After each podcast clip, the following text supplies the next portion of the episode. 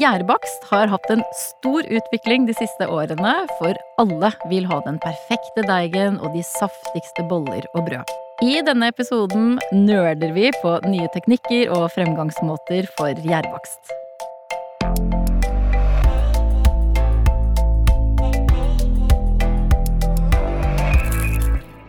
Det er klart for en ny episode av Matpratpodden, og velkommen til deg som lytter på oss. Jeg heter Katrine Ude, og sammen med meg er det som vanlig to eksperter. Eh, det er vår bakkegeneral Torunn Nordbø, som eh, også regjerer Opplysningskontoret for Brød og Korn. Hei.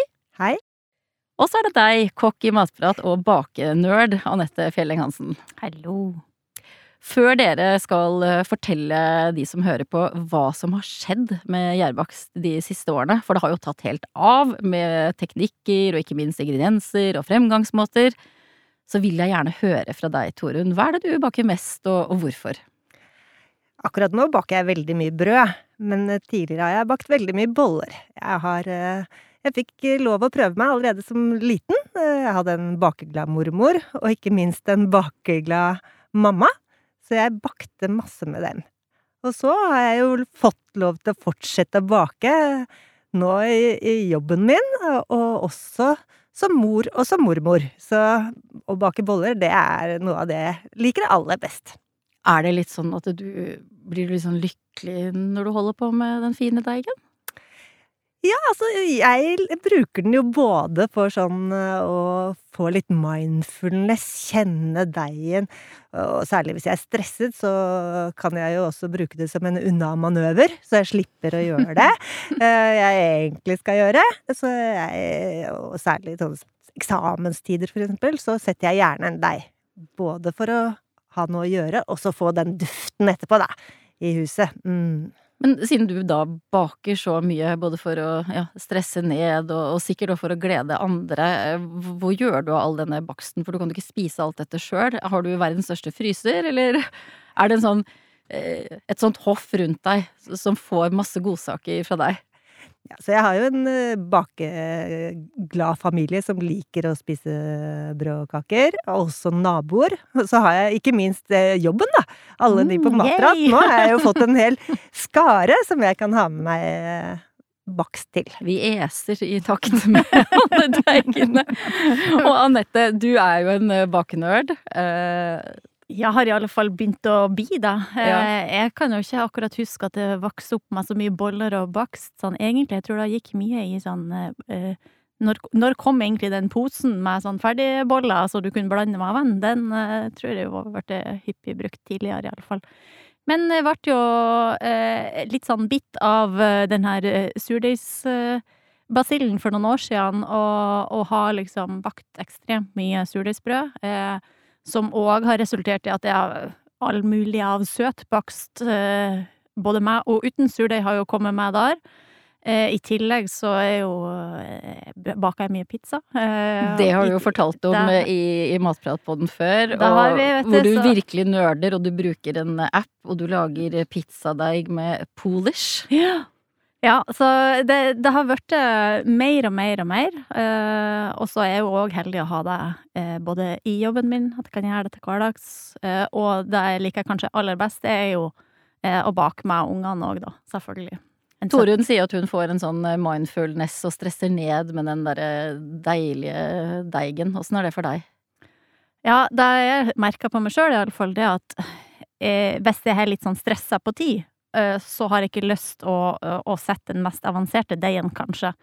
På grunn av at uh, du, det er jo litt sånn Du må passe litt på, da. Det er noe ting du skal forholde deg til, både i form av eltetid og, og hevetid og steiketid, og ikke sant, plutselig så skal du ut og gjøre noe annet, og så Ja, hva gjør du da med deigen? Så jeg er mer sånn kanskje en sånn helgebaker eller en stressbaker på natta hvis jeg skal ha det ferdig til jobb dagen etterpå, da. Du baker på natta? ja, hvis situasjonen krever det, så blir det det. ja, vi har aldri funnet på det. Baker du på natta, Torunn? Ja, ikke på natten, men jeg var oppe klokken seks i dag morges for å ha smaksprøver til denne matpratpodden, da. Mm, og det ser så deilig ut, og det lukter så godt av det du har hatt med deg. Det ligger fire forskjellige typer boller her. Det er store, små, det er med noen rosiner, og jeg gleder meg. Etterpå så skal vi åpne de, eh, og smake på de, og dra litt i de, og nøle litt litt. på ja, teksturer og, og form og smak og saftighet. Men det er jo sånn at baking er ikke Altså gjærbakst er ikke sånn som det var, som de fleste av oss, og sikkert òg til de som hører på, eh, sånn som vi lærte det på heimkunnskapen på skolekjøkkenet. Det har skjedd så mye. Hva er det som har skjedd med denne gjærbaksten? Altså, det er flere ting som har skjedd. Det er nesten en revolusjon. En revolusjon. da. Opplysningskontoret for brød og korn kom med sin første bakebok for 15 år siden, så oppdaget vi at det var jo veldig ulike metoder. Det vanlige var jo når man laget boller, at man smeltet smør og blandet i melken, smuldret i jern og blandet i. Så laget man deigen, og da holdt man igjen litt mel, og tok i hvis den, vi følte den var for uh, løs. Dette er jo snudd opp ned. Nå, Ja. nå holder vi igjen uh, smøret. Vi, vi bruker det romtemperert og tar det i slutten av deigen. Så ingenting er på en måte som før? Nei, nå er det rett og slett litt nytt. Hvorfor skjedde dette? Var det, begynte det liksom, var det én sånn Én person der ute som fant på at sånn gjør vi det, eller var det noe forskning her, eller hva var det som skjedde? Nei, det er vel eh, ei utvikling som har skjedd over tid. Det er jo litt sånn med alt, eh, alt i verden rundt oss, egentlig. Eh, Verden går framover. Eh, Og det er garantert 100% sikkert at det, det her er ikke nådd til alle heller. Eh, For mange baker nok på den gamle metoden med 37 graders lunker, og du kjenner på, på hånd... eh, Altså, På eh, pulsen håndleddet, hånd, Mm. eh, ja. Eh, akkurat hvor eh, varm du skal ha den, og gjør det etter punkt og prikke, følge oppskrifta, tør ikke gå utenom. Eh, så har du jo de som har vært mer oppmerksom på at eh, melet har en funksjon, eh, når du tilsetter smøret har en funksjon, hvor mye du elter har en funksjon, eh, og vært mer bevisst med det i forhold til bruk av Altså både romtemperatur kan ha noe å si, ikke sant, for deigen òg. Det har jo blitt mer, eh, mer teknisk. Ja. Ikke sant? Det har gått fra sånn eh, kos og noe mel, og så har det blitt veldig teknisk. Jeg tror jo da at utvalget er mye større på melfronten òg. I tillegg så har vi jo sosiale medier som da har eh, ikke sant? Det de åpner opp for å vise hvordan bakere og eh, kanskje de nerdene som man på en måte inspireres av, da, hvordan de gjør det. Og da blir jo på en måte jakten på det den perfekte bollen eller den perfekte brødet blir liksom mer interessant. Ja, kan vi si det at det kanskje har eh, denne utviklingen vi har sett på Gjærbakk, dette paradigmeskiftet, revolusjonen, som du sier, Torunn, at det, det, kom det liksom samtidig som vi fikk sosiale medier?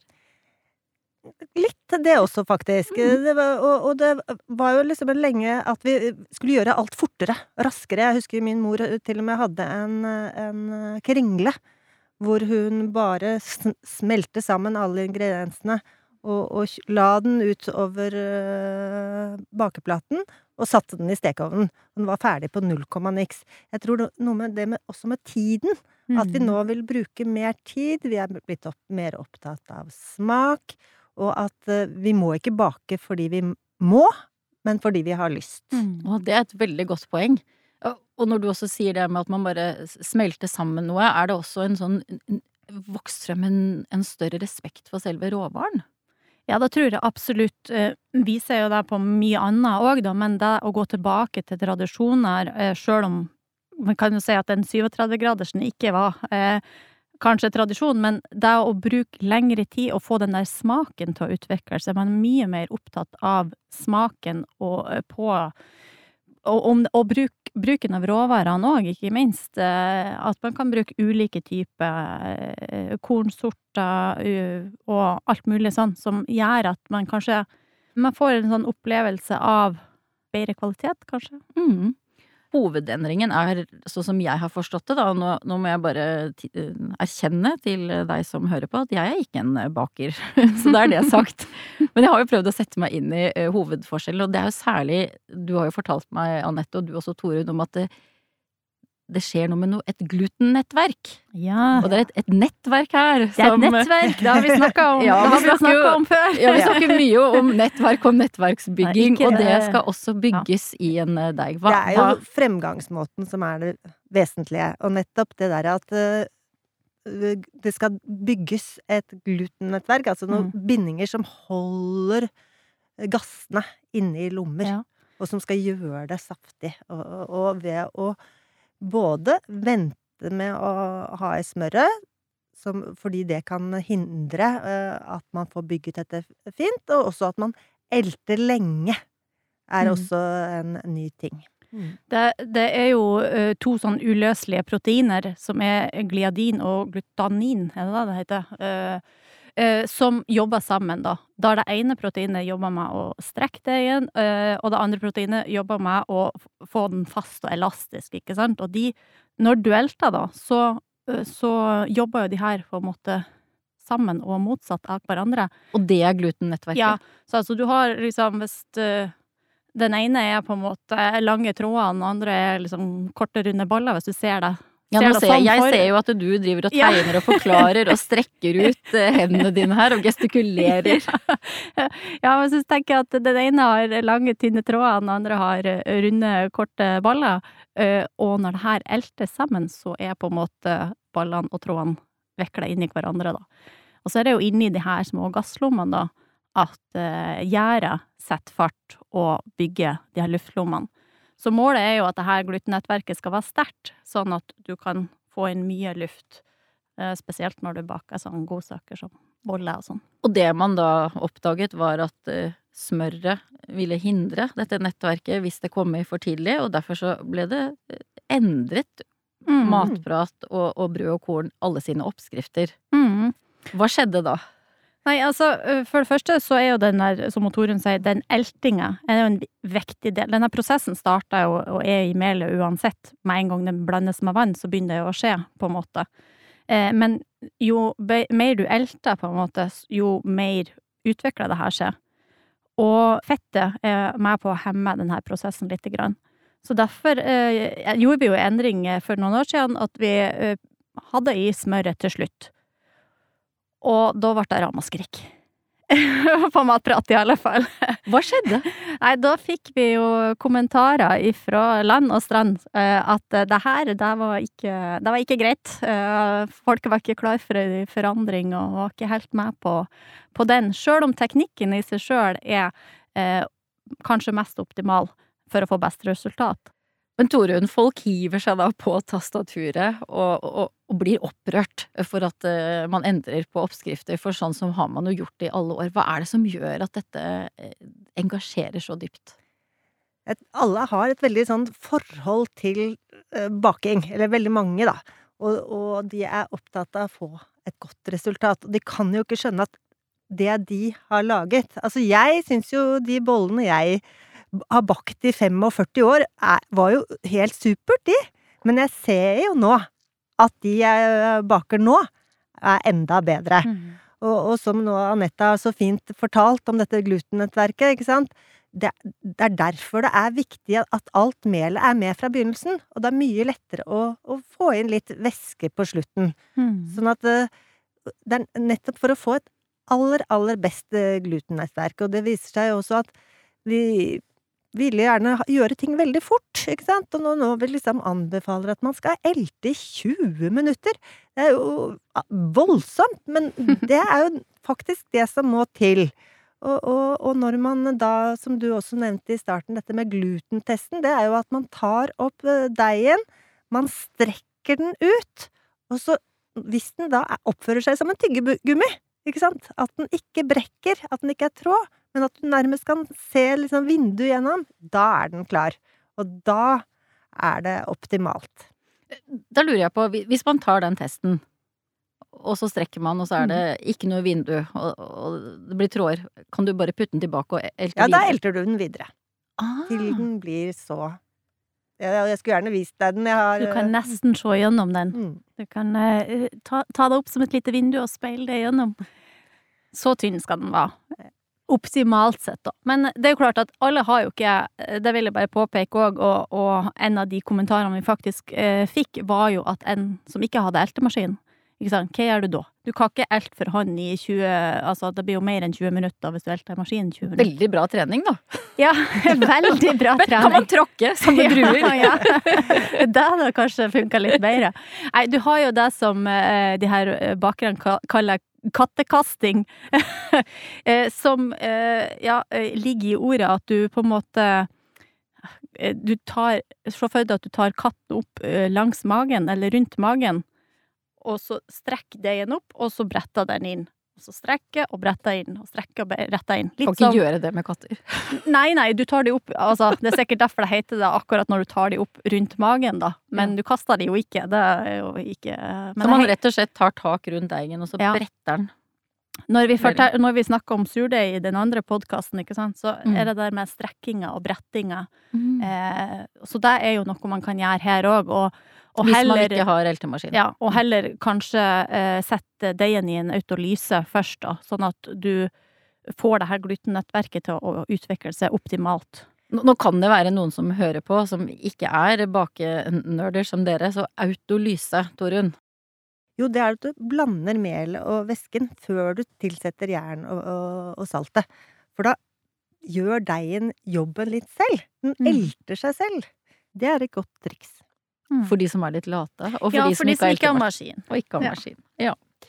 Eh, vi har jo snakka litt om eh, mel, og så nevnte jo du til meg, Torunn, eh, et sånt triks. eh, Noe man skal tilsette som man kanskje ikke er klar over, for å få en veldig saftig bakst. Havre. Man kan faktisk, noen bakere gjør faktisk det. De, man kan bruke opptil 10 havregryn. Gjerne da å, å ha en slags forhev, altså at man blander denne havregrynen med litt av væsken, og lar det stå litt før man putter det i deigen. Det gjør at du både kan ta opp kanskje litt mer væske i deigen, og den gir en god smak. Men bare altså rett og slett eh, havregryn, eller mel, eller skal man bare Ja, man du- kan bruke hele havregryn. Og Får du ikke da sånne klumper av havregryn i baksten? Nei, det er litt rart. Når deigen utvikler seg, så vil eh, havregrynene på en måte gå inn som en del av deigen. Du vil ikke merke det. Å ja, så det er et triks som noen baker. Har du Mm. brukt det før, Anette? Jeg bruker veldig ofte havregryn, spesielt litt sånn eh, Ikke så mye i boller, egentlig. Jeg har brukt det der òg, men du merker jo det samme på vaffelrøra, egentlig. Har du vaffelrøra, den blir jo kamuflert inni der, egentlig. Men eh, spesielt mye i brød, da, bruker jeg mye havregryn. Så det gir litt sånn ekstra Litt ekstra god samvittighet òg, da. At den ikke bare er helt fin. Men bare 10% ikke mer. Nei, du kan sikkert ha litt mer òg, men uh, du kan starte med det. Jeg bruker jo også det i surdeigsbrødene mine alltid. Og jeg syns det gir jo en også litt ekstra sånn nøtteaktig smak med denne havren. Men hva hadde skjedd da hvis man tok 50 hva, Siden jeg bare vil forstå hvorfor det er bare 10 hva er det, hva er det som oh, ja. skal skje da? Nei, det, i det siktede hvetemelet har du jo gluten. Det er jo det vi har snakket mye om, som gjør at du får luftige bakverk. Havregryn mangler helt gluten. Så hvis du bruker for mye havregryn, så vil jo eh, bakverket bli veldig flatt. For det er eh, garantert noen som hører på som ikke kan det som bakenørder kan, så det er jo viktig at vi tar med noen sånne dumme spørsmål Noen, også. noen svar til det? For eksempel meg. Og så det som jeg veit mange lurer på, som man eh, diskuterer mye i sånne bakeforum, som er nesten like morsomme forum som sånne strikkeforum og barnevognsforum, det er fersk ferskgjær eller tørrgjær. Det kommer litt an på hva du, hva du skal. Den ferske gjæra, den er jo aktiv, eh, og den går kanskje litt raskere å bake med eh, sånn med en gang.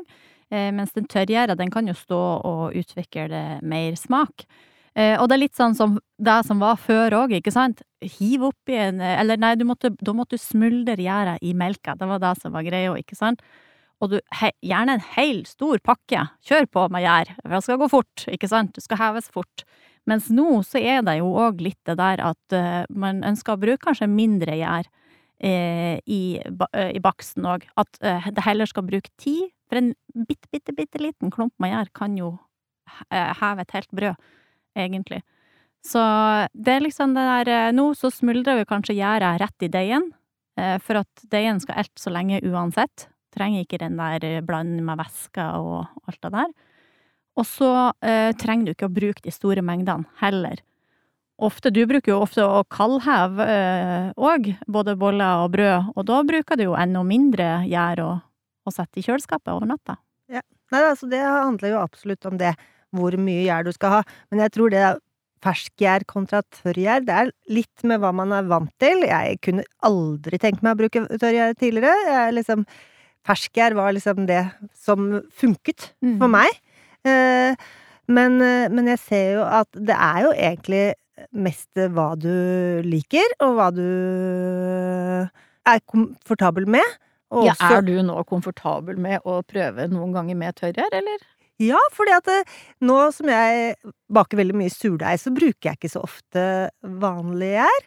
Og da å ha en uh, boks med tørrgjær i skapet, da kan jeg alltid bake når jeg vil. Ellers så må uh, Ferskgjær har jo litt uh, har jo en mer begrenset holdbarhet. Ja, for deg som baker på natta og ja, liksom, altså, Hvis du plutselig våkner Tørrgjær altså. Nei, nei, jeg har egentlig begge deler.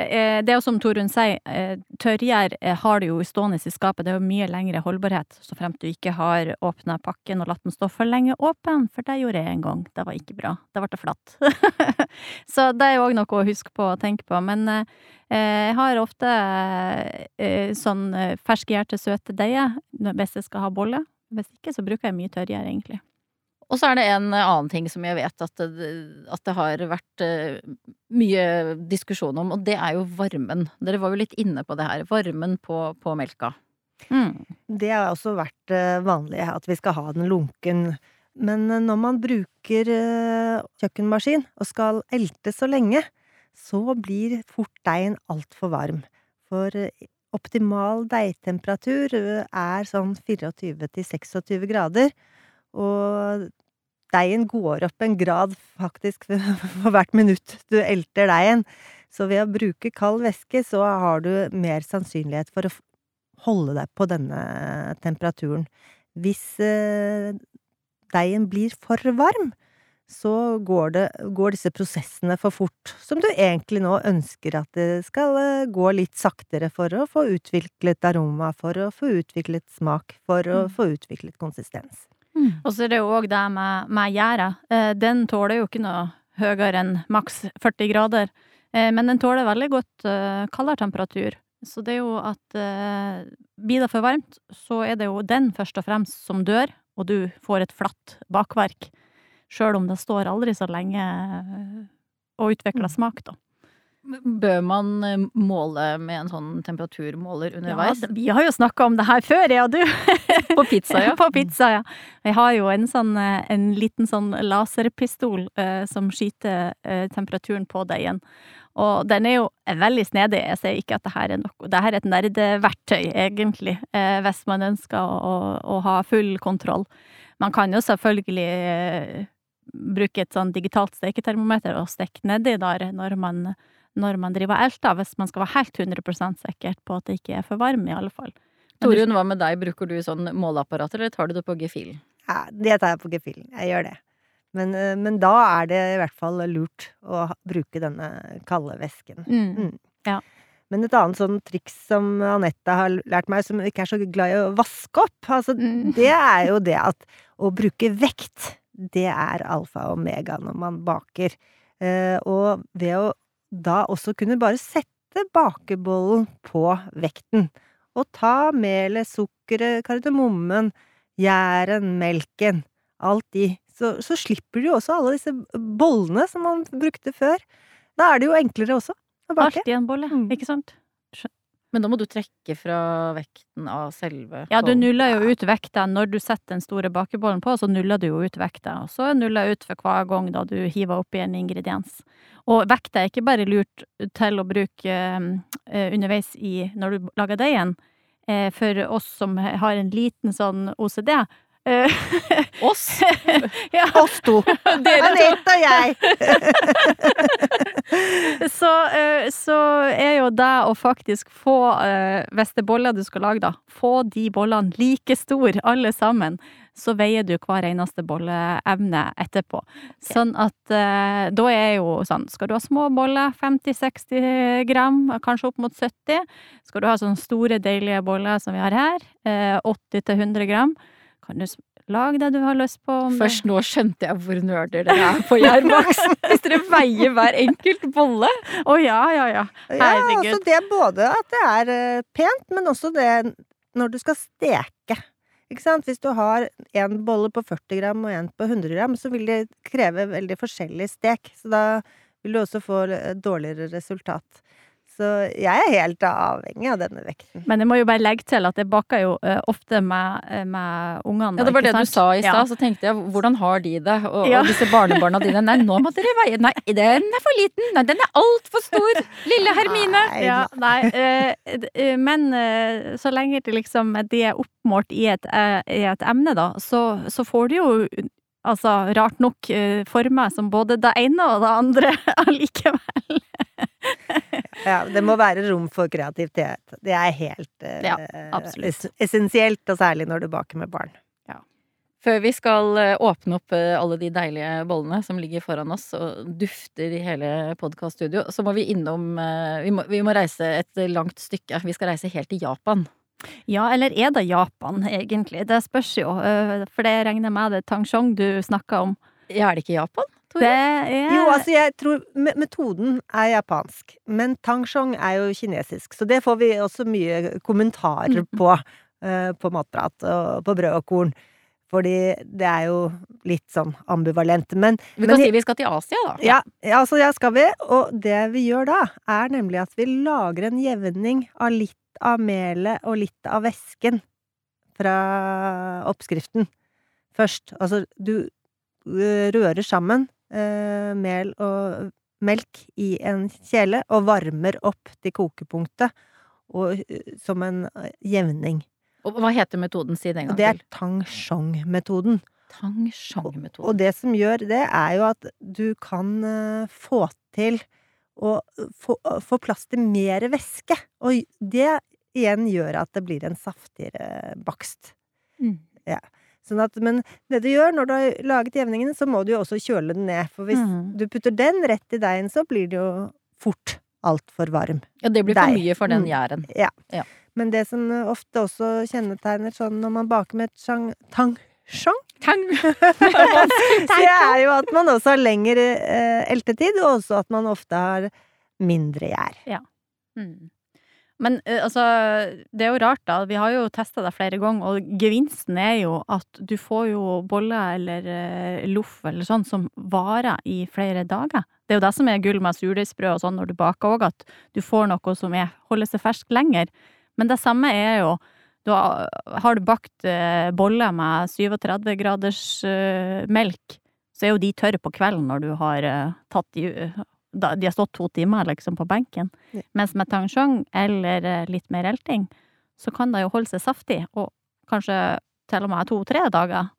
Og det er jo veldig bra i et eh, bærekraftsperspektiv, og det å redusere på, på matsvinn og sørge for at det du baker holder seg ferskt og godt lengst mulig. Mm, og så kan du òg kjerspti, de, som hun bestemor bruker å si. altså at du varmer det litt i ovnen, så de får den der eh, nystekte følelsen igjen, da. Og det er jo et veldig godt triks hvis du skal ha med, sende med barna på skolen, eller skal Mm. på noe dugnad eller et eller annet. Ja, hvor du skal absolutt. og kunne bake dagen før. Og ikke minst lussekattene, da. De Mm. skal jo alltid spises tidlig på morgenen, så å kunne bake de dagen før, det er perfekt. Mm. Jeg er klar for å øh, åpne noen boller her, ja, og så rive litt i de. Eh, Hvem ser best ut? Åh, jeg syns alle ser veldig gode ut, men jeg tror jeg liker de som ikke har så mye farge, og så er de veldig blanke. De fire små fine her som vanlig bollestørrelse.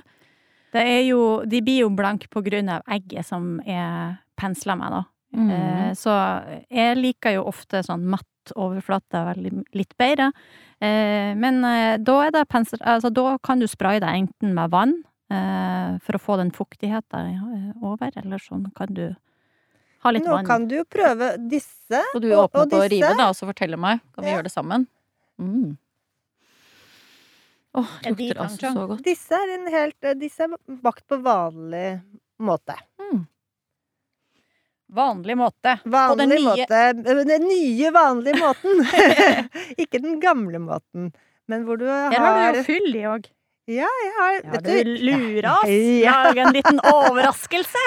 Ja, altså, boller kan jo både Jeg er jo veldig sverger jo til disse rosinbollene, men, men eh, nå i fastelavnstider, for eksempel, er jo boller med vaniljekrem eller mandelfyll et Mm. must. Og må dere ta over, for nå spiser jeg boller. Så. Mm. Er det her tang chong, da? Ja, så det er jeg litt spent på, da, Anette, om du kan uh, merke merke Jeg forskjell. ser du, jo, du ser jo da bare når jeg uh, klemmer på den, Katrine, Mm. så ser du jo at, uh, at Den er mer blir litt sånn, mer sånn bouncy. Fluffy. Ja. Mm. Så det er ofte den store forskjellen som du ser med en gang med Hvis du skal gå på jakt etter tangchongboller, så skal det være fluffy greier. Men i bakeri, for eksempel, da selges det som eh, Denne bollen er bakt etter tangshong-metoden? Så det jeg må si, forte meg å si da, er jo at tang shong-metoden er jo faktisk noe som bakerne ofte har brukt. De kaller det ikke tangshong, men de kaller den for deg. Ja. Så, så det er Men det er ikke noe de har fortalt oss, så Så det er en liten hemmelighet. Og nå vet alle det, for dere har hørt på Matpratpoddens podd om nerding på gjærbakst. Jeg håper du som hører på oss har blitt inspirert til å bake, og kanskje teste ut en eh, ny teknikk eller ingrediens, for eksempel havre for saftigere bakst. Og vi blir superglade om du har lyst til å dele din gjærbakst med oss, enten det er skrytebilder, oppskrifter eller triks. Tagg oss, eller bruk hashtag matprat. Vi høres. Vi bakes! Vi baker! Vi bakes!